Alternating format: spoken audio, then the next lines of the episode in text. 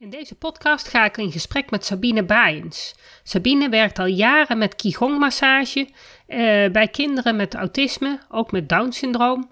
En zij eh, legt precies uit wat, waarom deze Qigong-massage zo goed kan helpen om het autisme bij kinderen te verminderen. Namelijk omdat het de sensorische gewaarwording van uh, mensen met autisme vaak veel intenser is. En met uh, die massage kun je dat uh, gevoel verbeteren, eigenlijk neutraliseren. Waardoor het autisme ook verminderd wordt.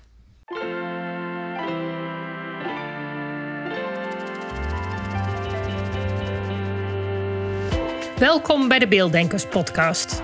Ik ben Natasja Esmeijer van Beeldig Brein en de schrijfster van het boek Beelddenkers als kwartjes vallen. Ik neem jullie mee in de wereld van de beelddenkers. Beelddenkers zijn creatieve, intelligente en zorgzame mensen, maar ze hebben moeite met onze vluchtige, snelle maatschappij. Dat begint al op school en het werkt door in het werkende leven. Ik ga in gesprek met leerkrachten, ouders van beelddenkers en met de beelddenkers zelf natuurlijk.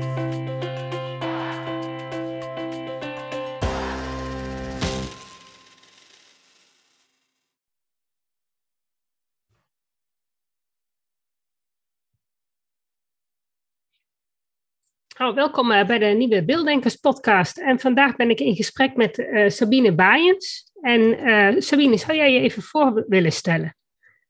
Um, ik ben Sabine Baaiens. Ik ben 53 jaar oud en ik ben tot hiertoe al 10 jaar audiocoach. En ik ben docent in Qigong sensorische massage. Specifiek voor autisme, um, voor Down-syndroom en voor cerebrale parese. Oké, dat klinkt wel heel, heel chic. Um, zou jij ons even kunnen uitleggen wat Qigong betekent? Want ik heb het van de week opgezocht. We hebben elkaar vorige week voor het eerst gesproken. En toen heb jij dat inderdaad toen verteld. Dus ik heb wel eventjes iets opgezocht, maar ik kan me voorstellen dat de luisteraars geen idee hebben. Juist, ja. Dus um, Qigong. Dus Qigong wordt uitgesproken als Qi en Gong. Dus Qigong. En um, qi, dat kennen we allemaal wel, dat is het Chinese woord voor energie. En gong is het Chinese woord voor werk. Dus het is eigenlijk heel ruim genomen werken met energie. Dat is Qigong. En dat is eigenlijk een, heel, een eeuwenoude methode om de gezondheid um, te behouden en te verbeteren. Dus um, en het is een integraal onderdeel van de Chinese geneeskunde. En de meest bekende Qigong-vorm die wij hier kennen, hier in het Westen, is Tai Chi. Oké, okay. oh ja, dat dus, is denk ja, ik wel weer bekend. Ja. ja, dus de meeste mensen die kennen wel Tai Chi, dus echt wel die gracieuze, elegante bewegingen. Um, dat is eigenlijk Qigong. Dat zijn Qigong-bewegingen. Er zijn twee vormen van Qigong. Dat is de bewegingsvorm. Um, en dan is er ook de massagevorm. Oké, okay. oh, dat is ook wel interessant natuurlijk. Juist, ja. Want met, met, met die tai chi neem ik aan dat je gewoon heel erg zelf met je be bewust met je beweging aan de gang gaat. Ja, dus het is eigenlijk een, een vorm van mediteren in beweging. Oké. Okay. En dus vanuit de Qigong is er traditioneel zijn eigenlijk ook alle martial arts um, voortgekomen.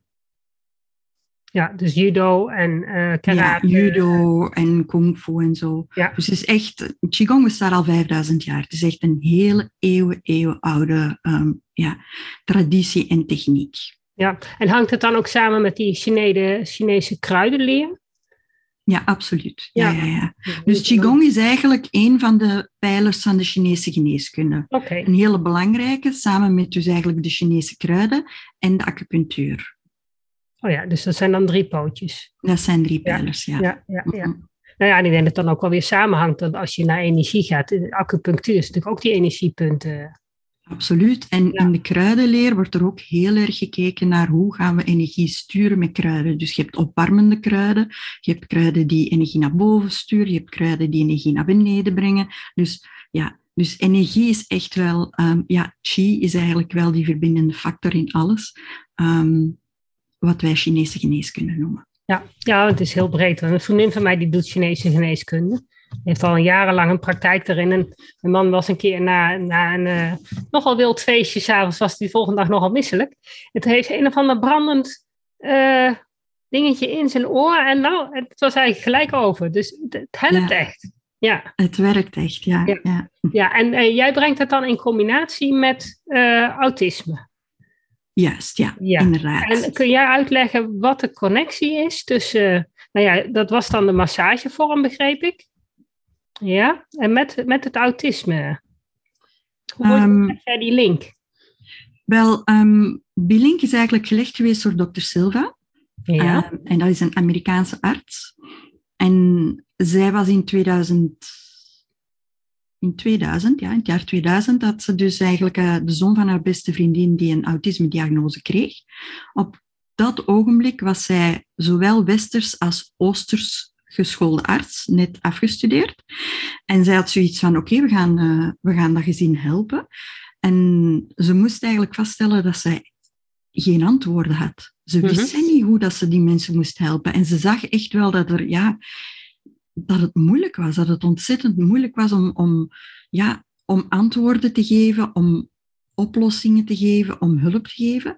Dus dan is ze gaan zoeken, heeft ze contact genomen met een van haar professors. En een van haar professors in de Chinese geneeskunde was um, dokter Signolini. Dr. Signolini, dat is een um, Italiaanse arts. En zij was een van de aller, allereerste um, acupuncturisten die geschoold, volledig geschoold waren in China en die de acupunctuur naar het Westen hadden gebracht. En dus dokter Silva had bij haar gestudeerd.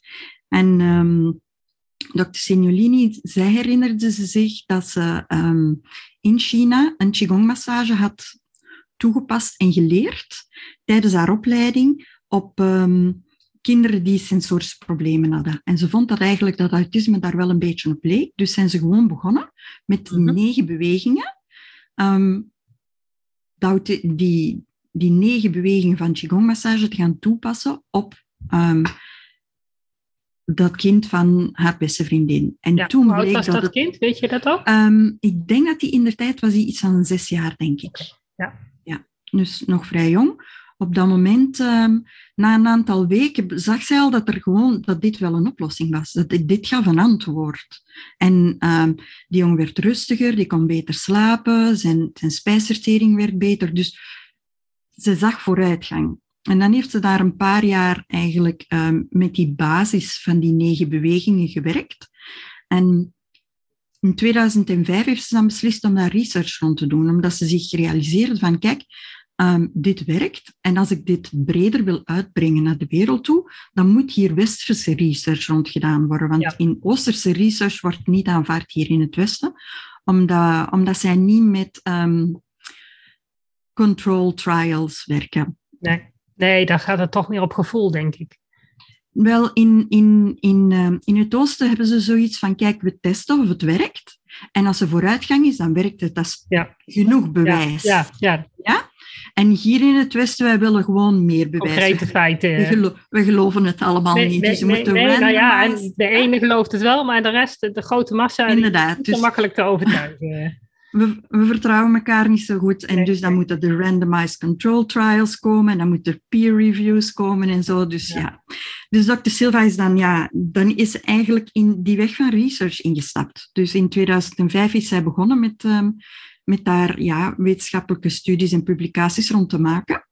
En zij heeft dan de methode ook verbeterd en uitgebreid naar twaalf bewegingen.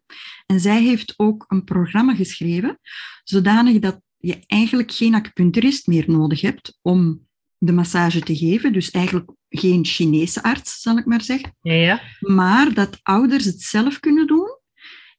En onder begeleiding van een therapeut. Ja. Dus, en dat, dat is eigenlijk de, de hele grote verdienste van dokter Silva. Wat zij gedaan heeft, is één, die research, maar twee, ook om dat programma echt um, toegankelijker te maken. Ja, dat is het woord. Toegankelijk te maken voor ouders, voor therapeuten, zonder dat je dus eigenlijk in een complexe Chinese geneeskunde moet gaan duiken.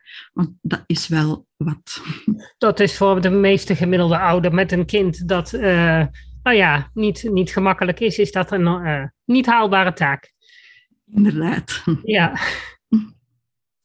Dus, nou ja. Ehm, ja, dus die, die Qigong-massage, dat is eigenlijk een, een zeer eenvoudige massage. In die zin dat het twaalf bewegingen zijn die over de voorkant en achterkant van het lichaam van boven naar onder worden toegediend. En ehm, het is net hetzelfde als een pilletje nemen. Dus eigenlijk moet je elke dag een kwartiertje massage doen. Ja, ja. ja. Dan heb ik dat dus vroeger met mijn, mijn dochter. Mijn jongste dochter heeft ook autisme. En nou ja, dat wist ik natuurlijk helemaal niet toen zij een babytje was. En, uh, maar mijn oudste dochter, die is heel gevoelig. En die had dus op een gegeven moment baat bij gewoon uh, babymassage. Dus bij mijn tweede kind heb ik dat ook gewoon gedaan. En ik moet zeggen dat ze dat, ze dat wel altijd heel prettig vond. Ja. Ik heb dat best nog wel heel lang bij haar volgehouden. Volgens mij zo lang als dat ze, volgens mij tot ze een jaar of vijf was. Ik denk niet dat ik het elke dag een kwartier voller ga gehouden hoor. Maar, uh, nee, maar aanraking, we zien wel dat aanraking ontzettend belangrijk is. En dat is gewoon, dat is genoeg bewezen eigenlijk in de westerse, ja. um, in de westerse literatuur. Dat aanraking ontzettend belangrijk is voor, voor de ontwikkeling, het, on, ontwikkeling van het kind. En voor alle ontwikkeling. Voor, voor taalontwikkeling, voor motorische ontwikkeling, voor sociale ontwikkeling. Dat staat gewoon buiten kijf dat aanraking een van die cruciale um, pijlers is die we dus eigenlijk aan de kinderen, aan jonge kinderen moeten geven, omdat ze dus goed en gezond um, zouden kunnen ontwikkelen. En wat we dan zien bij autisme is dat die aanraking niet altijd evident is. Je hebt nee. ook kinderen die, die pijn hebben. Ja. ja, dat is denk ik wel per persoon verschillend. Want mijn, mijn dochter was juist heel erg van het aanraken.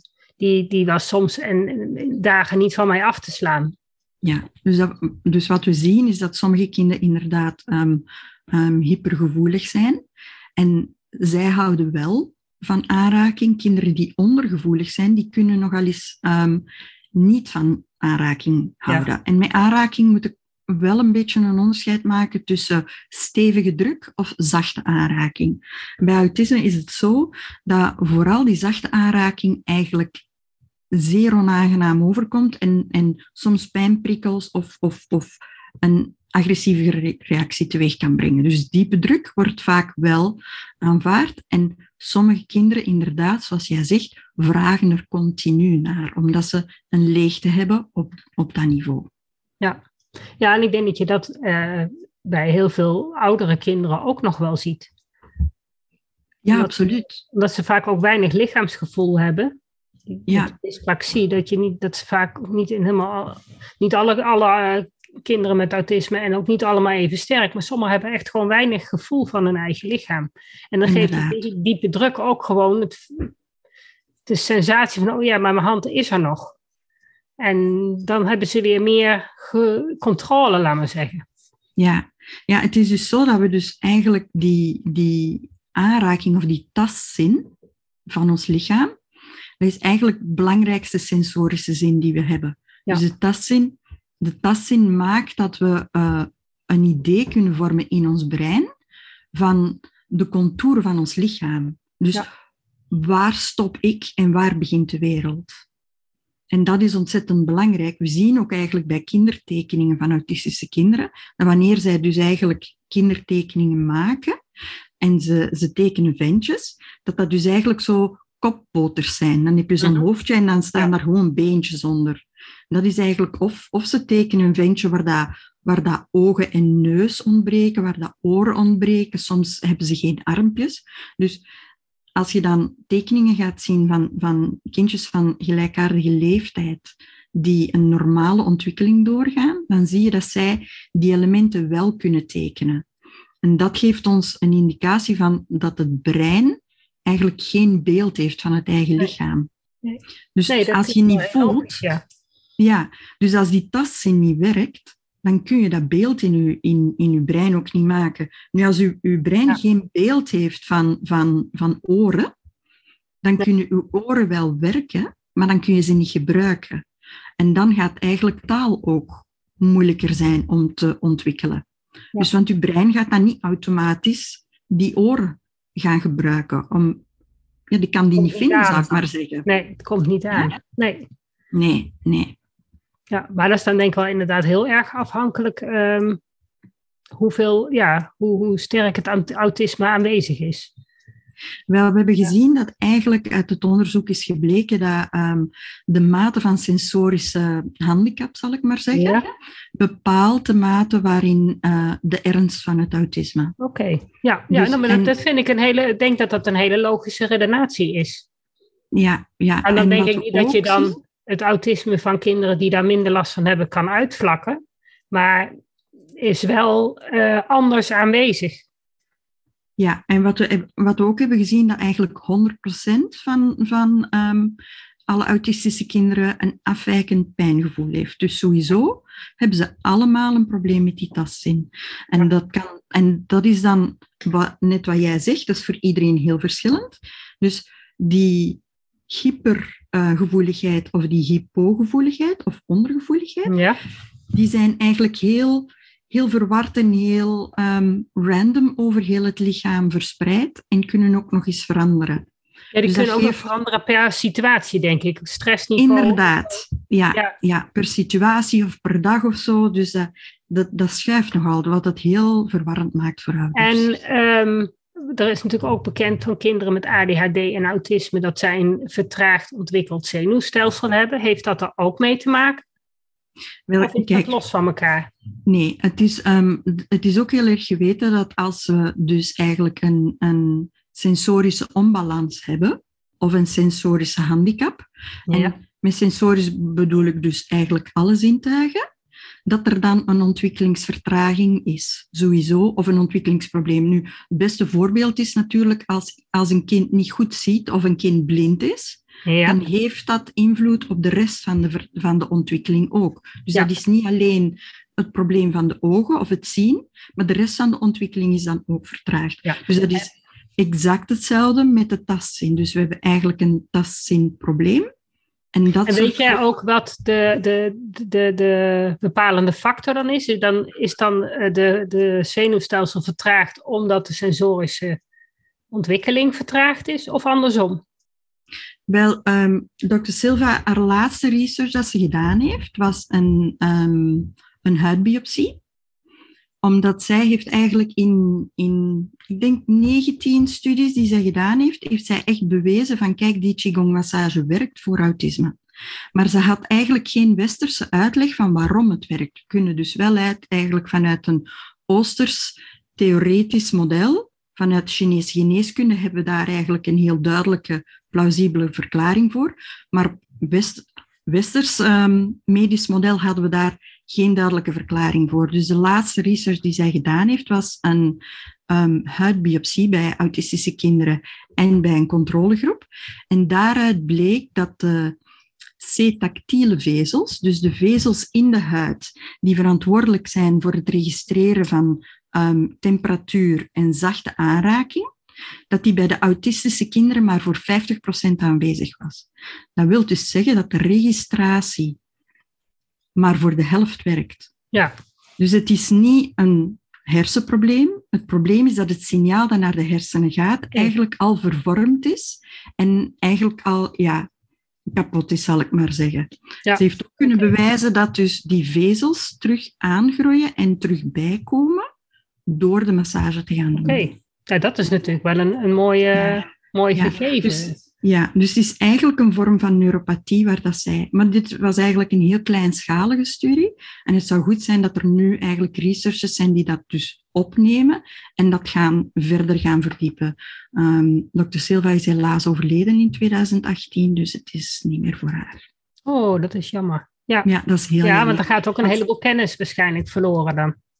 Absoluut. Ze heeft, heel, ze heeft ontzettend veel kennis achtergelaten. Ze heeft ook die laatste jaren dat ze nog, um, dat ze nog een beetje goed was, heeft ze ook ontzettend hard gewerkt om heel veel um, kennis door te geven. Er zijn, er zijn uren en uren aan um, voice, op, voice recordings van haar, die nu nog worden. We zijn dus eigenlijk al jaren aan het uitschrijven, mm. wat ze allemaal nog heeft gezegd. dus ze heeft gelukkig dat nog kunnen meegeven. Maar ze is ergens ze is op een heel nieuw iets gestoten dat, dat, ja, dat niet in de klassieke manier allee, in de klassieke manier valt van hoe dat we nu naar autisme kijken. Nee, nee dat klopt. Het is, is natuurlijk nog weer een extra schakeltje erbij. Ja, op dit moment was er, er, er, is ontzettend naar dat brein gekeken in het begin. Nu wordt eigenlijk ehm, de gut of, of de, um, de spijsvertering en de darmen wordt nu heel erg, naar dat darmmicrobiom wordt er nu heel erg gekeken. En die connectie met die hersenen. Mhm. Maar in al dat onderzoek hoor je nooit iets over de tastzin of hoor je nooit iets over zintuigelijke research daarom. dat valt, valt, mij sowieso op, want ik ben natuurlijk voor mijn boek ben ik natuurlijk ook echt op zoek gegaan. Niet alleen naar autisme, want autisme is maar een klein onderdeeltje van mijn boek. Maar je merkt, uh, welk boek je ook leest, welke studie je ook leest, um, ze hebben één onderzoeksvraag en ze kunnen dat niet breed trekken. En dat is heel jammer, want het zou, ja, het zou veel fijner zijn als ze dan een keer zouden zeggen van, goh, autisme, nou we hebben dus de, die, die, nou ja, die sensorische, we hebben de, de, de darmen, we hebben het feit dat, je, uh, nou, die spiegelneuronen uh, niet goed de informatie doorgeven.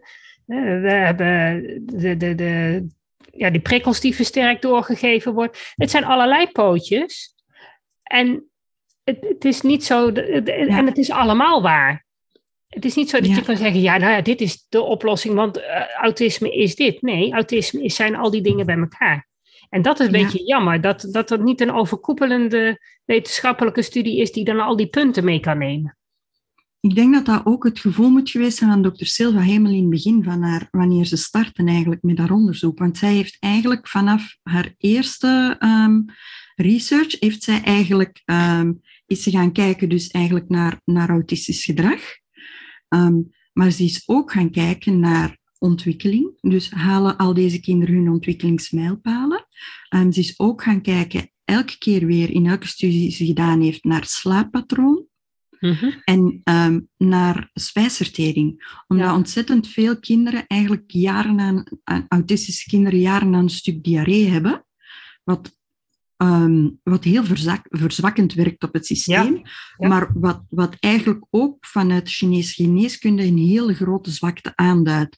Dus zij heeft eigenlijk al die parameters altijd meegenomen. En dat is ook dankzij haar opleiding um, in die Chinese geneeskunde, waar, dat we dus, waar dat we dus eigenlijk altijd naar het geheel gaan kijken. We gaan altijd kijken van hoe werken de dingen op elkaar in, in een lichaam, en hoe krijgen we heel dat lichaam terug eigenlijk in een evenwicht.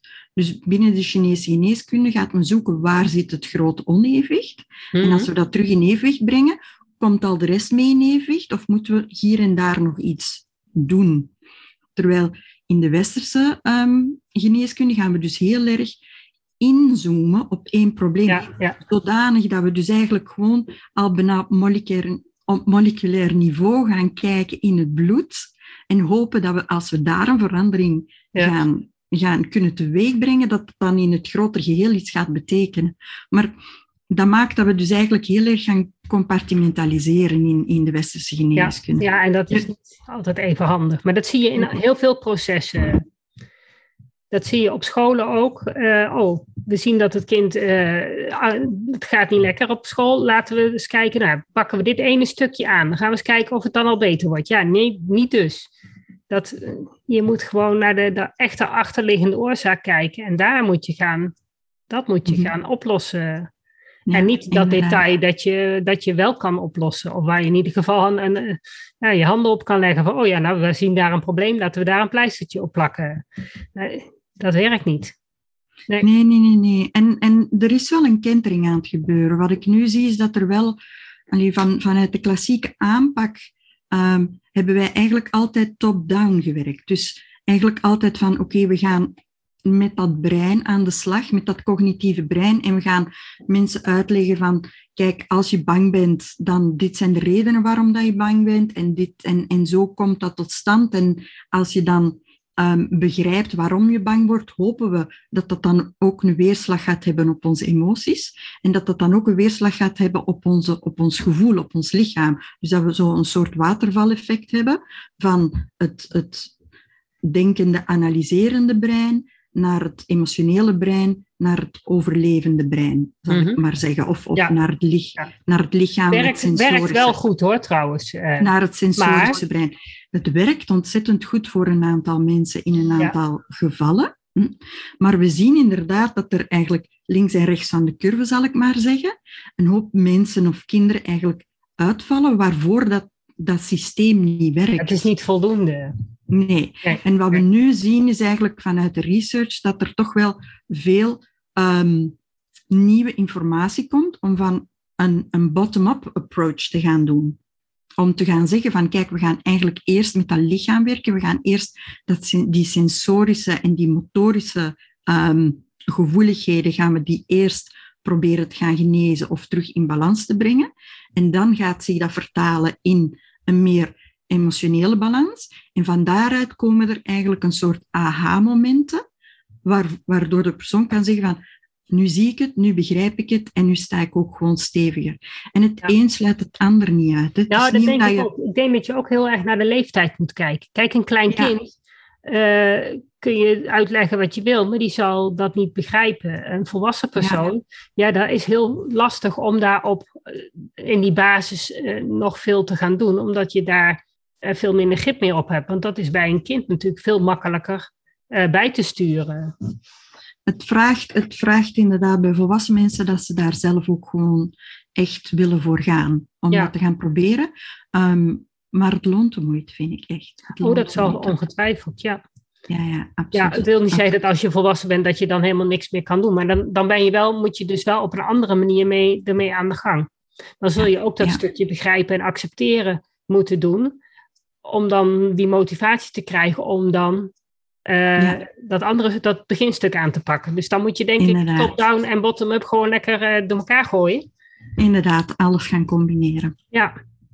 Ja. En bij een kind, ja, een kind staat sowieso open voor, die is, is nog helemaal in de leermodus. En Een jong lichaam, ja, die jonge lichamen die zijn ook gewoon nog niet helemaal gevormd. Dus je Nee. hebt eigenlijk alle kansen om meteen te gaan ingrijpen. Die zijn Ja. nog heel sterk aan het groeien. En, en vanuit de Chinese geneeskunde wordt dat ook heel erg geapprecieerd, dat een kind gewoon, hoe zal ik zeggen, malleabel is. Die is kneedbaar, zal ik Ja. maar zeggen. Ja, zo noemen ze dat. Dus van, omdat die energie nog heel, heel sterk aan het bewegen is, aan het groeien is. En als die energie nog sterk in beweging is, is het ook gemakkelijker om die dan eens een keer links of rechts een duwtje te Ja, geven en een andere richting uit te sturen. Terwijl bij een volwassene is dat al gewoon meer gesetteld. Hè? Ja, ingesleten patronen. Waar je niet zo makkelijk uitkomt. Je hebt je Ehm, leven al op orde, of, niet. Maar, het, Maar, eh, eh, maar het is zeker wel mogelijk. Het werkt eigenlijk, want ik heb eigenlijk ook uit ervaring ondervonden dat het werkt, ehm, zowel voor jonge kinderen als voor pubers, als voor ehm, jonge dertigers en zelfs ouder. Ik heb, ehm, zoals ik al zei, mijn, mijn oudste ehm, klant was 76, denk ik, of 74. oh, dat is inderdaad wel heel oud. eh. Ja, ja, ja, maar, Ja. maar de, de, uitdaging, de uitdaging voor de Qigong-massage bij volwassenen is dat je eigenlijk een partner moet hebben die, die de massage dagelijks kan gaan geven. Oké, ja. En als je volwassen bent, is dat soms iets moeilijker om iemand te vinden die gemotiveerd is om elke dag een kwartier dat, dat, dat te gaan doen.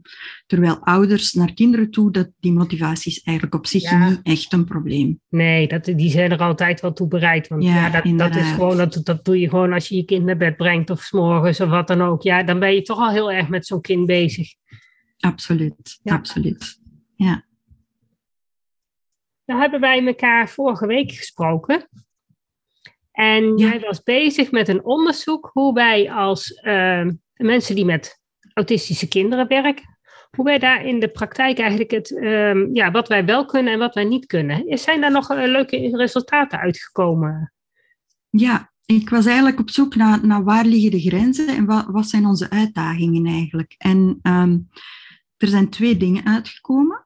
Het eerste was dat ehm, de sensorische problematiek echt een grote uitdaging is. Mm, Dat was voor mij geen verrassing, eh, natuurlijk. Ehm, maar iedereen, dus of dat je nu ehm, paardencoach was of ehm, voor jou, je bent beelddenkcoach. Beelddenkcoach, ja, dat is het woord. Of dat je nu auticoach bent of op een andere manier eigenlijk ergotherapeut. Het maakte niet uit vanuit welke insteek eigenlijk die zorgverleners kwamen.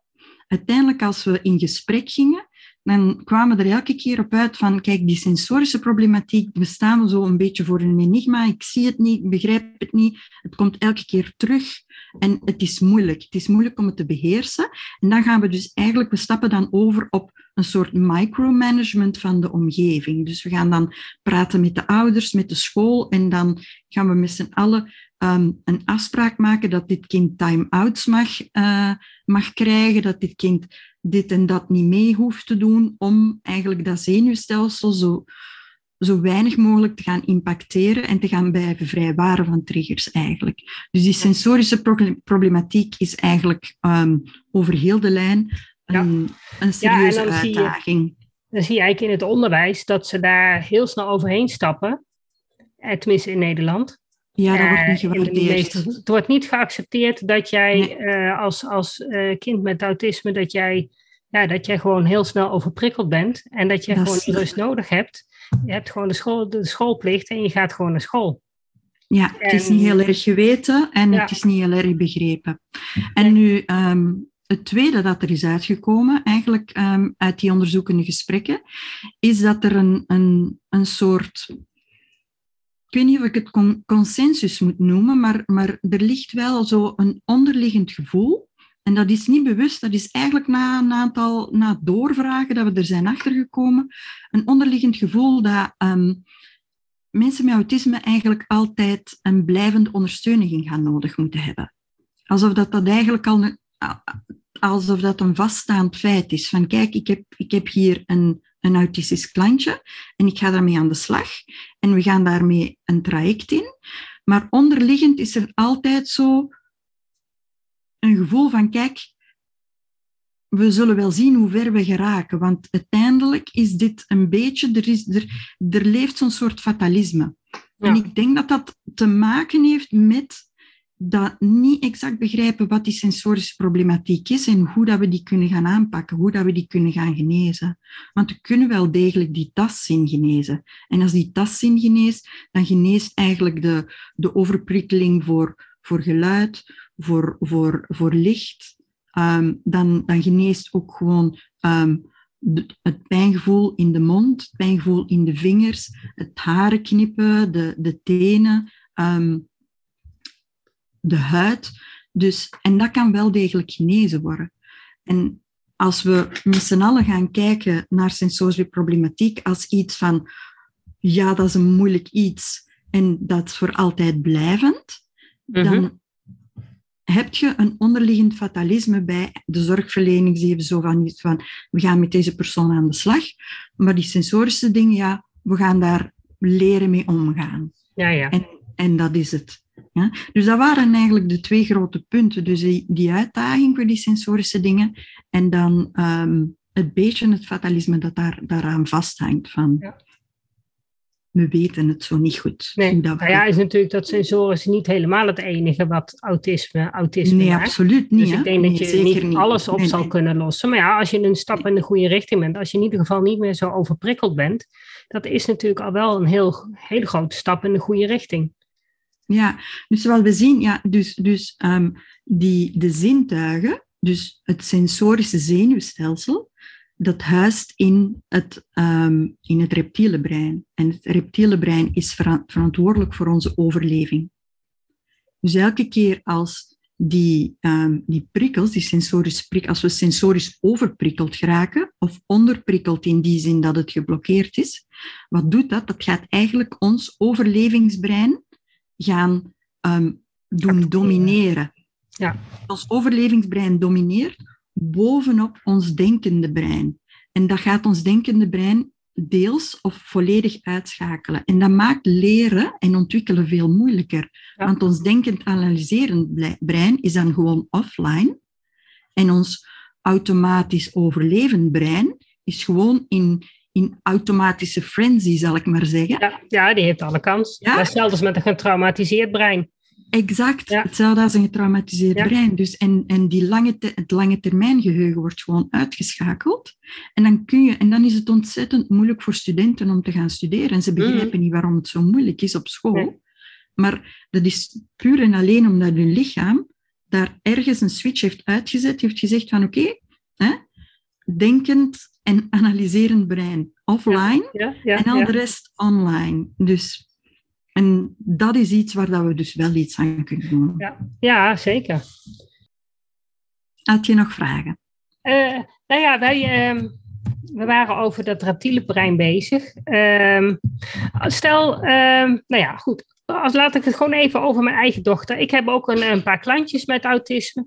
Eh, ik moet eerlijk zeggen dat ze allebei best wel aardig goed in hun vel zitten. Maar hebben vrij snel last van stress. Ja. En hoe zou ik dat nou het beste kunnen aanpakken? Ja, jij zegt dan uh, gelijk naar zo'n Qigong-massage uh, uh, natuurlijk, dat, dat begrijp ik. Um, heeft dat voor iedereen zin? Um, wel, kijk, aanraking heeft voor iedereen zin. Als we gaan kijken naar kleine kinderen, um, die hebben eigenlijk nog geen zelfregulatie geleerd. Dus een pasgeboren baby die huilt heel de tijd. Ja, um, omdat hij nog, nog geen zelfregulerende capaciteit heeft. En in het eerste levensjaar, als hij dus eigenlijk in een baby begint te groeien, dan gaan die zelfregulerende um, capaciteiten stilaan eigenlijk hun plaats innemen. Dus een baby gaat eigenlijk um, dat slaap- en waakritme gaan aanleren. Dus overdag ben ik wakker, s'nachts uh, zijn de ogen toe. Um, spijsvertering gaat ook gewoon regelmatiger worden. Je moet eigenlijk gewoon moet niet meer om de twee uur en een half eten. En kunnen gewoon stilletjes aan naar drie maaltijden per dag gaan, gaan eigenlijk um, opschuiven.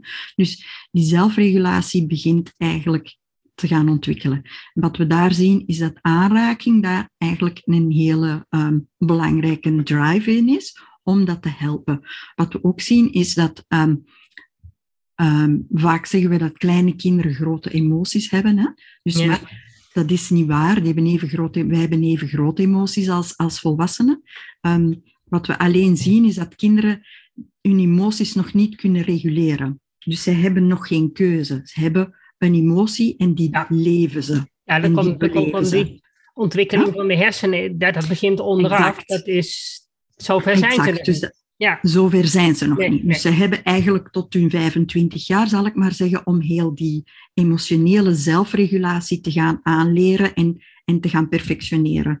Um, en dan gaan we zien dat, dat aanraking voor ouders een heel mooie is eigenlijk om kinderen te gaan troosten. Ja. Om kinderen te helpen zelfreguleren. Dus als een kind eigenlijk overstuur is, of een kind is gevallen, of een kind is boos, dan het eerste wat we doen, dat, dat zit gewoon in ons. Ja. We pakken een kind vast, we geven die een knuffel, en die knuffel is meestal wel goed stevig. En dat ja, is aanraking. Juist die druk. Dat, dat juist geeft, die druk. Ja, die geeft van, goh, hé, hey, ik voel je en ik denk met je mee. ja, dat is de boodschap die we geven. Nu, wat doet dat eigenlijk in het zenuwstelsel? Het dat kalmeert het zenuwstelsel. Dus het autonoom zenuwstelsel reageert eigenlijk uh, met een soort... Ah, als er een diepe druk op komt. Ja, ja, dus als er stress is nu, zoals voor je dochter, dan kun je eigenlijk aanbieden om diepe druk eigenlijk te gaan geven op de schouders en op de armen. Dus je kunt achter haar gaan staan als zij op een stoel zit. En dan kun je je handen gewoon op de schouders leggen. En dan leun je naar voren met je hele lichaam. Dus je gaat niet duwen vanuit kracht uit je armen en je handen. Maar je gaat eigenlijk met je hele lichaamsgewicht naar voren hangen. Zodanig dat je in die schouders zinkt. Dus je zinkt in je armen, in je handen, in de schouders. Dus om, er moet eigenlijk gewoon een, een soort verbinding zijn van het ene lichaam naar het andere. En dat moet echt op lichaamsniveau. Als je gewoon op, op denkniveau zegt van ah, ik ga hier gewoon een beetje druk geven zo, met je handen naar ja, beneden, dan... dan... komt het eigenlijk gewoon niet juist aan in het lichaam van de ontvanger. Dus je kunt eigenlijk die diepe druk gaan geven en dan kun je dus eigenlijk de zijkanten, de armen naar beneden tot aan de handen. En je moet dat zelf eens proberen. Je moet zelf eens iemand vinden die dat bij jou doet. Je gaat zien, dat, dat, dat geeft een ongelooflijk zalig gevoel. Alleen dat al brengt u terug in uw lichaam, terug in het nu-moment. En als we terug in het nu komen, merken we vaak dat alles is wel oké in het nu. Ja? Dan heb ik even dus- een, een, een, een denksprongetje, want zo werkt het in mijn hoofd. Mhm. Ehm, jonge kinderen, schoolgaande kinderen, daar heb je eigenlijk nog best wel veel lichamelijk contact mee. Maar op het moment dat zij in de puberteit komen, dan, tenminste bij die twee dochters van mij, was het dan gelijk van nou uh, afstand tot mama en je mag niet meer aanraken. Nee. Heeft, en, en dat was voor mijn jongste dochter ook het moment dat haar autisme echt wel naar voren kwam. Daarvoor had, ja, wisten we wel dat ze, nou ja, waarschijnlijk iets in die richting had. Maar was dat nooit zo heel erg aanwezig. Maar toen ze echt in de puberteit kwam, had ze er echt steeds meer moeite mee. Maar ja, mocht er ook niet meer aanraken. Dus nee. dat is dan wel iets wat elkaar waarschijnlijk versterkt. Dat versterkt elkaar. Dus het feit, het feit dat ze het dus eigenlijk moeilijker krijgt, is omdat, ze die, omdat die emotionele zelfregulatie eigenlijk gewoon een vertraging heeft en dat ze niet meer mee is met eigenlijk haar leeftijdsgenoten, waardoor dat, dat verschil eigenlijk meer en meer um, uitge, uitgepuurd wordt, zal ik maar zeggen, en duidelijker wordt, waardoor dat het eigenlijk een verergerend effect heeft, want ze merkt dat ook, dat ze niet mee kan en dat geeft nog eens een emotionele backlash. Dus dat is eigenlijk zo'n soort vicieuze cirkel.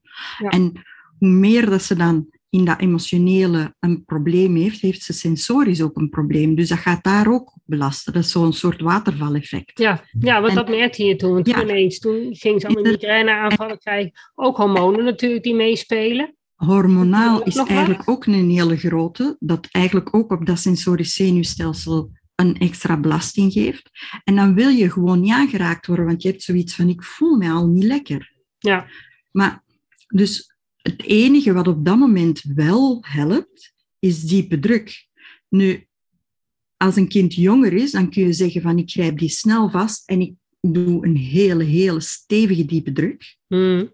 Maar dan moet je wel zorgen dat je jezelf kunt beschermen, want dat je geen kopstoot krijgt of zo. dus kinderen echt in crisis pak je zo vast met heel diepe druk.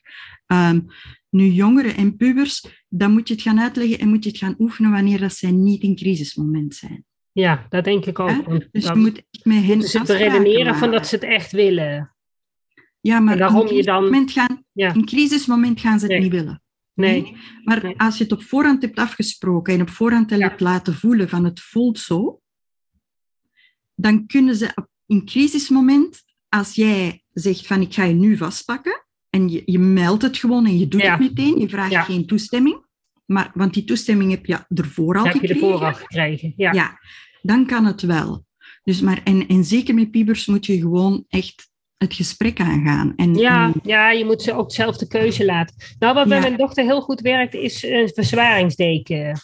Ja, maar waarom werkt de verzwaringsdeken? Omdat dat inderdaad die druk eigenlijk gaat ja, namaken, dus op dat, op dat zenuwstelsel. Ja, dat slaat um, beter. Maar ze, ze ligt er niet altijd onder. Maar ik heb ook wel gehoord, uh, twee podcasten geleden uh, was ik met Tamara Miranda in gesprek. En zij werkt dus heel veel met de autistische kinderen in, bij haar op school. En die zegt ook mhm. van ja, maar niet alle uh, kinderen met autisme vinden het fijn onder een verzwaringsdeken. Dus daar moet je dan weer mee uitkijken. Dat was natuurlijk in mijn boek was ik mee bezig. Dus uh, ik mocht dat niet te stellig zeggen van je moet onder een verzwaringsdeken gaan liggen. Want dat werkt dus ook weer niet voor iedereen. Nee, het werkt niet voor iedereen. En, en het heeft ook inderdaad ook te maken van, van um, de juiste druk. Dus ja. dat wat ik zeg. Hè. Dus je moet eigenlijk die juiste druk vinden op het juiste moment. En een verzwaringsdeken, dat heeft altijd die 6 kilo of die 8 kilo. En dat, dat is niet iets dat... Dat is niet afgestemd nee. op de persoon en op het ogenblik. Van, hetzelfde met, met een, een, een, een drukvest mm is ook zoiets. Dat is niet afgestemd op, op het moment. Nee, en dat, maar... dat is het grote voordeel als je dan zo'n massage geeft. Of als je wat ik net heb um, voorgesteld, of als je die diepe druk op de schouders en de armen gaat geven, door eigenlijk daarin te leunen, in, met heel gewicht in het andere lichaam, dan ben je wel afgestemd. Want je eigen lichaam gaat gewoon stop zeggen wanneer het te veel is. Je gaat dat zelf voelen. Als, mama heb je die verbinding met je kind. Je gaat, je gaat die kind nooit plat duwen, maar je mag wel met die intentie gaan, want de druk Ja. moet wel zo, zo hoog zijn. Ja. Ja, dat is Ja. hoger dan dat je denkt, denk ik. Ja, ja, ja. De Ja. druk, Ik, het is echt diep, diep, diepe druk. Ja? Ja. Maar in, in, een, in, in een echt afgestemde manier. Ja, en in een setting waarin er altijd mogelijk is om te stoppen en het kind ook kan aangeven van hé, hey, nou is het genoeg. Ik denk, voor, ik denk dat voor pubers en jongeren dat je echt moet vertrekken vanuit hun noden. Van wat Ja. heb jij nodig? En dan is het beste dat je eigenlijk eerst misschien een... Ik raad ouders altijd aan die met, met, met jongeren willen beginnen werken met de Qigong-massage om eens rond de tafel te gaan zitten en hen een lijst te laten maken van wat loopt er nu allemaal fout in mijn leven? En wat wil ik niet in mijn leven? En dan komt er wel, meestal weten ze wel van dat wil ik niet en dat wil ik niet en zo wil ik Ja. niet en dat wil ik. En dan laat je dat allemaal opschrijven. Je maakt, laat ze gewoon een hele lijst maken van alles wat ze niet willen in hun leven. En dan kun je daaraan gaan kijken en gaan zoeken van kijk, dat zijn de grote stukken die eigenlijk ehm, een gevolg zijn van een sensorische onbalans of van een onbehagen in het lichaam of van een, van een niet kunnen, omdat eigenlijk dat denkende brein is uitgeschakeld. En als je dat dan gewoon in grote groepen kunt zetten en kunt zeggen van kijk, deze groep van problemen, die kunnen we aanpakken met diepe druk of met qigong-massage of, of met, met echt ehm, die bottom-up aanpak, Mhm. Ja. dan, heb je een, dan heb je een insteek. En dan kun je afspreken van laat ons dat nu eens proberen. Laat ons deze, dit pad opwandelen en laat ons dit gaan doen voor de komende twee, drie maanden. En je hangt daar ook gewoon een termijn aan. Je zegt van, wij hebben een overeenkomst dat we dit gaan proberen. En we gaan dat drie maanden volhouden. En we evalueren vandaag hoe dat we ons voelen. En binnen drie maanden gaan we diezelfde evaluatie nog eens maken. En dan kun je dus echt, dan hebben, dan hebben zij ook zoiets van, oké, dit, dit kan ik overzien, Ja, dit gaan we doen. Dat zou een oplossing moeten zijn voor dit pakketje van problemen. En dat zijn mijn problemen, want ik heb ze zelf opgeschreven. En dat zijn allemaal zaken die ik niet meer wil in mijn leven. En er hangt een ter, duidelijk een termijn aan. En we gaan het ook meten. We meten, we doen een startmeting en we doen een eindmeting. En dat werkt ontzettend goed bij jongeren. En je houdt ze dus echt wel, ehm, ja, zo kun je ze meenemen in, in, in zo'n traject. Ja. Van, van lichaamswerk eigenlijk. Hè? ja. Nou, ik doe zelf helemaal geen lichaamswerk, dus ik was ook niet van plan daarmee te beginnen, want dan wordt het pakketje wel heel groot. Maar het is wel iets wat je, wat je kan, natuurlijk kan aanraden om, om ernaast te gaan doen. Ja, om gewoon beter absoluut. in je lijf te komen. Dus Ja, eh, ik vind het wel een mooie Ja. aanvulling. Zeer zeker. Ja. En het is op zich is helemaal niet moeilijk. En ehm, er is ook een boek dat ouders kunnen kopen. Ja, En dat heet ehm, Sensorische behandeling van autisme. Geschreven door Dr. Silva.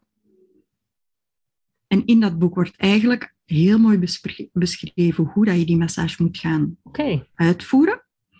En er is ook een link in het boek waar dat je dus online die videofilmpjes kunt gaan zien. Dus, dus je hoeft eigenlijk alleen die videofilmpjes na te doen. Oké, dus je hoeft eigenlijk niet eens zelf naar een, eh, een therapeut. Nee, Als je denkt van, nou weet je, ik ben dat zelf wel eh ja, ja, genoeg, dan kun je het ook gewoon. Dat, dat is wel een hele mooie. Absoluut. Dus ondernemende ouders die kunnen gewoon zelf zeggen van ik ga het boek bestellen en ik ga het boek lezen. Er zijn online filmpjes en ehm, beginnen gewoon aan. En als je vastloopt, als, op, als het gaat, als het lukt, en na een aantal weken weigert je kind opeens alle aanraking, dan moet je even een, een van de therapeuten bellen.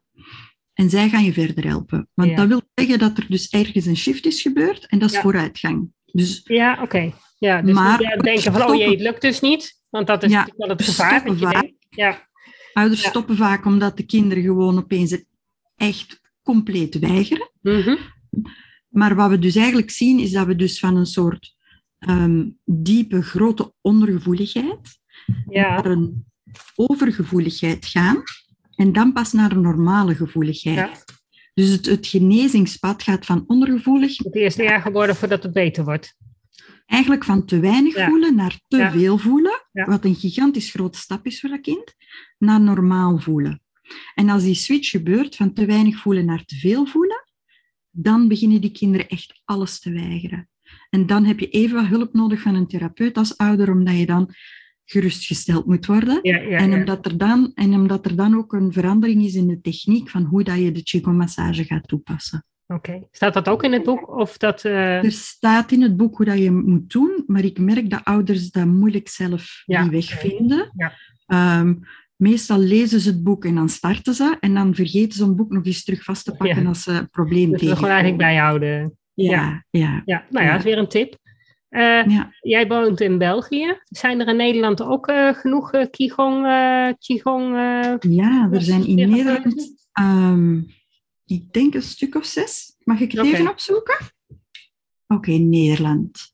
Ehm, ik heb Jill, die zit in Amstelveen. We hebben Alma, die zit in Wageningen. Mario ehm, zit in Noord-Brabant. Wendy in Harkstede. Oeh, waar ligt dat? Dat weet ik niet, staat er niet bij. Oké, Harkstede. Ja. Sandra zit in Simpelveld, dat is Limburg. Simpelveld. Oh, dat is Limburg, ja. Ja. En Mira, die zit in Arnhem. Oké. Nou, er is ook nog eentje bij ons vlakbij. Ja, dus dat is eh, ja, zes. Ja, En ik nou ja, hoop, ehm, ja, ik hoop, in de. Dus eh, Ja. over Nederland. Ik hoop in de komende tijd nog meer therapeuten te mogen gaan opleiden. Oké. In, het najaar, Ja. in het najaar start er een nieuwe, een nieuw opleidingstraject. Dit keer volledig in het Nederlands. Dat is ook de allereerste keer. Ehm, de afgelopen acht jaar heb ik de opleiding en- enkel ehm, in het Frans en in het Engels gegeven. Dus voor mij is het ook een primeur. Ja, nou ja, voor jou wel makkelijker waarschijnlijk. Ja, we zullen zien. Ja. Ja, nou ja, leuk, fijn. Ja. Eh, ik ben ook blij dat je inderdaad gewoon kan beginnen met een boek om gewoon te kijken of dat je er, ja, wat je ervan vindt. Dat Ja. zijn Ja. altijd, om naar, het is best een hele grote stap om naar een therapeut te gaan. ja, soms wel, ja, inderdaad. Dus, eh, nou ja, moet ik natuurlijk, naar- ik ben natuurlijk zelf, ja, ik ben geen therapeut, maar mensen moeten ook naar mij toestappen. Maar Ja. ja, ja ik merk wel, nou, het leuke is dat ze bij mij ook uit het hele land komen inmiddels. Dus eh, dat is wel Mhm. grappig. Maar voor sommige mensen is het best een hele stap. Ja, wat Om, ik, fijn, wat ik fijn vind aan de Qigong-massage is dat het ehm, twee kanten op werkt. Dus eigenlijk, je werkt met energie eigenlijk. Hè? Ehm, en die energie die stopt niet bij dat kind. Dus eigenlijk wanneer dat je dus energie gaat reguleren en terug in balans gaat brengen in het lichaam van het kind, dan heb je eigenlijk, er gebeurt een soort ehm, co-regulatie tussen ouder en kind. Ja. En we zien eigenlijk mama's en papa's die dagelijks een massage geven, ook rustiger worden, terug in hun lichaam landen, eigenlijk meer thuiskomen in hun zijn. Ja. En dan zie je eigenlijk het gezin terug samenkomen. Hm? Ja, kan ik me wel iets bij voorstellen. Zeker als het Ja. daarvoor best wel heftig is. Want eh, ja, Ja. ik weet dat kinderen gewoon best eh, een stempel kunnen drukken op de sfeer van een gezin. Ehm, Maar als je als ouder inderdaad ziet dat het effect heeft, maar ook gewoon de rust die je moet nemen om dat elke dag een kwartier te doen. Om het te kunnen geven, Ja, inderdaad. Ja, dus dat, dat is denk ik voor jezelf ook wel een therapeutische werking. Zeer zeker. Ja, en ook, de bewegingen zelf ook. Ik bedoel, je bent natuurlijk aan het masseren, jij bent ook in beweging. Ja, je bent ook in beweging. En wat ook is, als je dus eigenlijk een traject met een therapeut gaat doen, dan is dat geen, hoe zal ik zeggen, oneindig traject. Je hebt eigenlijk drie of vijf maanden waar dat je die opvolging doet samen met die therapeut.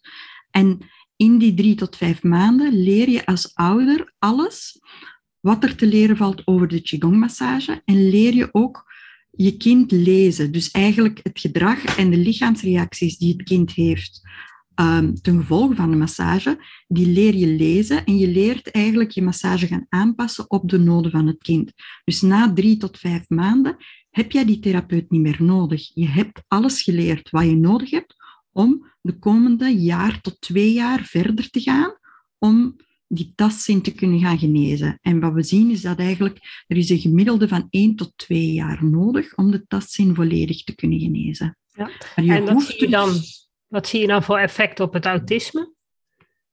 Wel, wat we zien is dat ehm, de mate waarin het tastzin geneest, bepaalt ook de mate waarin dat eigenlijk het autisme verbetert. Dus we hebben de, de verbetering van de tastzin was in de 30% en het autistisch gedrag was ook 30% gezakt. Ja. Dus we zagen dat dat eigenlijk recht evenredig gelinkt was aan elkaar. En kom je tot 100% of, maar ik kan me niet voorstellen Kom- dat, dat je helemaal Je komt- eh, alles. We komen wel tot 100% genezing van de tastzin. Ja, En wat we zien is bij die kinderen die eigenlijk die verliezen, zogezegd, hun diagnose. Ehm, maar dat wil, niet eigenlijk, dat wil niet zeggen dat ze volledig, hoe zal ik zeggen, niet meer autistisch gaan Nee. reageren. Nee. Wat we dan zien, is dat zij eigenlijk een normale ontwikkeling, een normaal gedrag hebben, maar in stresssituaties waarschijnlijk nog gaan hervallen. ja, ja. Nou, maar dat is eigenlijk veel, dat is, dat, is, dat, is, dat is eigenlijk wat je wilt. ja, Want die stresssituaties zijn ook gewoon veel minder, eh, Ja. die komen veel minder vaak voor, omdat eigenlijk het lichaam gewoon niet meteen in survival en in stress schiet heel de tijd. Nee. Dat stuk is ook genezen. Dus dat zijn dan de normale stresssituaties waar dat jij en ik ook in terechtkomen. Bijvoorbeeld als we een auto-ongeluk hebben gehad, of als we ziek zijn, of als we een examen moeten, moeten gaan doen. Dus dat zijn eigenlijk, hoe zal ik zeggen, de klassieke stressoren die we eigenlijk allemaal in een normaal dagelijks leven voelen. Ja, ja, ik kan me ook voorstellen dat, ja, weet je, autisme is niet alleen die overprikkeling. Er zit natuurlijk meer eh kanten aan. Dus ik denk, en ik denk ook als je wat ouder bent, ja, je brein heeft toch een bepaalde ontwikkeling door, doorlopen. Dat draai je niet zomaar terug. Maar Nee, nee. eh, als jij die overprikkeling een heel eind kan verminderen, dan ben je al een heel, goed, heel eind op de goede weg, denk ik. Wat, wat, het ook, wat het ook doet eigenlijk, is ehm, wanneer dat die sensorische problematiek begint te genezen, zien we ook dat er een stuk bewustzijn bij komt. Hm? Want ehm, als we die sensorische problematiek, als die er is, die sensorische handicap, maakt dat bewustzijn ook offline is. En dat bewustzijn maakt dat er focus kan komen. En als je die bewu- bewustzijn in focus hebt, dan kun je leren. Dus dat Ja. geeft, het geeft een soort keuzemogelijkheid die je ervoor niet had. En dat Ja. geeft ontzettend veel kwaliteit van leven die je erbij krijgt. Ja, daar kan ik me wel iets bij voorstellen. Ik kan wel, ja, Ja. Het zal ook wel heel erg verschillen liggen aan, aan het intelligentieniveau natuurlijk. En, en hoe zwaar. En kijk, je hebt eh, de ene autist is de andere niet. Je hebt natuurlijk kinderen Nee, die echt nee. heel zwaar autistisch zijn. En eh, ja, ik denk dat je daar op zich. ehm, ja, geen idee. Eh, Deze methode werkt voor allebei. ja, Dus dat, is ook zal. eigenlijk Ja, Dat is heel bijzonder dat deze methode werkt ehm, voor zwaar gehandicapte kinderen, evengoed als ehm, kinderen die eigenlijk eh, een normale spraak en een normaal Mhm. ehm, cognitief niveau hebben. Ja, wel heel mooi. Ja. Absoluut. ja, ik Ja. ga zeker het boek aanschaffen. Ik vind het wel een, een meerwaarde om, om in ieder geval om het uit te proberen. Eh, Ik ben Ja. natuurlijk ook een eh, westerse persoon. Ik wil het eerst zien. Maar ja, weet je, dat, dat maakt niet Maar uit. Jullie hebben het al ook, hè? uitgezocht. Ja, het, het, is wel iets om echt te gaan proberen, denk ik. Inderdaad, je moet het gewoon gaan Ja. proberen. En, al is het alleen maar dat je je kind eh lekker een massage kan geven. ja, Dat is ja, al, al heel wat waard. Er zijn nu wel ouders die zeggen van hoe kun je nu een autistisch kind aanraken, die houden niet van aanraking. Dat klopt ook. Ja.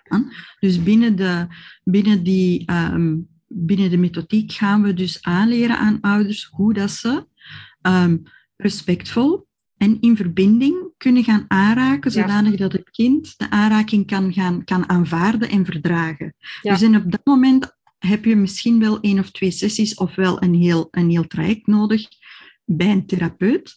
Ja, zodanig ik denk dat als jij inderdaad eh, een kind hebt dat gelijk al eh, in de weerstand schiet, dan denk ik dat je beter gelijk een therapeut kan inschakelen. Jou kan helpen. Ja, Maar deze massage, binnen de eerste drie weken, begint elk kind naar zijn dagelijkse massage te vragen. En dat is ontzettend... Ja. Ja. en zwaar gehandicapt of niet, ze hebben altijd wel een manier om te zeggen zo van... Ik Hallo. wil die massage, geef Ja. mij mijn massage. Dus zij voelen al, in die allereerste weken zie je al een verschil. En zie je al dat die kinderen zoiets hebben zo van... Oh, oh, dit wil ik. Jij het boekje van... Even kijken hoor. Hier heb liggen.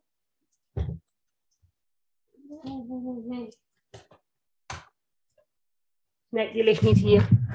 Ik dacht het toch wel. Het boekje van Anneke Groot. Nee? Nee. Ik heb hem hier niet liggen. Eh, ik weet niet wat precies begeleid en begrijp. Het gaat over dyspraxie in ieder geval. Ja. is ehm, een beetje soortgelijk. Die heeft het ook Ja. over heel veel over diepe druk. Ja. Ja, Ja. Het, we- het werkt gewoon magisch. Ja, Ja, dus absoluut. ik denk dat, dat, dat, dat zij inderdaad op hetzelfde spoor zit. Mhm. Ja. Ja, leuk. Het was echt een interessant gesprek. Mooi, dank je. Ja. Eh, heb jij verder nog iets toe te voegen? Of denk je denk dat we het ik- verhaal wel gehad hebben? Ja. En, maar ik denk dat ik alles gezegd heb. Ik denk dat, ook, hè? dat Ja. ja. de boodschap is van, van als, als je vastgeraakt, als, als je in begeleiding of, of met je kind, probeer dan eens jij eigenlijk bottom-up te gaan werken of denken. En begin dan bij die sensorische problematiek. Dat is, dat is vooral wat ik wil meegeven.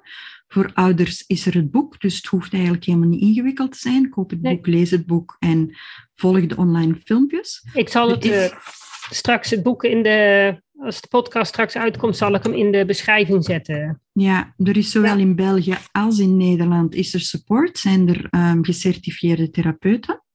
En ehm, ben je zelf zorgverlener, dan ehm, start er een online traject in augustus, september van dit jaar, En ehm, waar je ook welkom bent. ik zal jouw website ook eh, vermelden. Dan kunnen ze altijd kijken, want als de podcast wordt natuurlijk later nog eh, gelezen, geluisterd.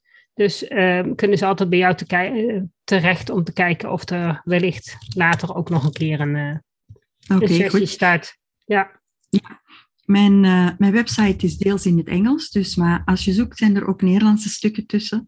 Ehm, ja, oh, voilà. daar komen we vast uit. Ja. Nou, dankjewel voor dit gesprek. En eh, nou ja, wellicht tot de graag volgende gedaan. keer. Dankjewel om mij uit te nodigen. Dat was het weer voor vandaag. Bedankt voor het luisteren en superleuk dat je erbij was. Ik hoop dat je weer een beetje meer ontdekt hebt hoe gaaf, maar ook hoe lastig het kan zijn om een beelddenker te zijn in een wereld die is ingericht voor taaldenkers. Wil je meer weten? Lees dan mijn boek Beelddenkers als kwartjes vallen. Wil je op de hoogte gehouden worden van alle informatie die ik deel over beelddenkers in het onderwijs? Klik dan op de abonneerknop in je podcast-app. Wil je dat er meer mensen op de hoogte zijn van hoe beelddenkers anders denken? Laat dan een review achter, zodat er steeds meer mensen in beweging komen om het beelddenken serieus te nemen. Heb je nog tips of vragen? Of ben jij of je kind een beelddenker en wil jij je verhaal delen? Laat het me gerust weten. Wil je als ouder of leerkracht echt weten hoe het allemaal werkt bij je kinderen of bij jezelf? Kom dan naar een van de cursussen. Duik helemaal in het onderwerp en kom erachter dat beelddenkers helemaal niet zo anders zijn en best in ons onderwijssysteem passen, als je maar weet hoe ze denken. Ik geef speciale cursussen voor ouders en voor professionals. Voor meer informatie ga je naar www.natasjaesmeijer.nl. Samen gaan we voor een beelddenkvriendelijke wereld.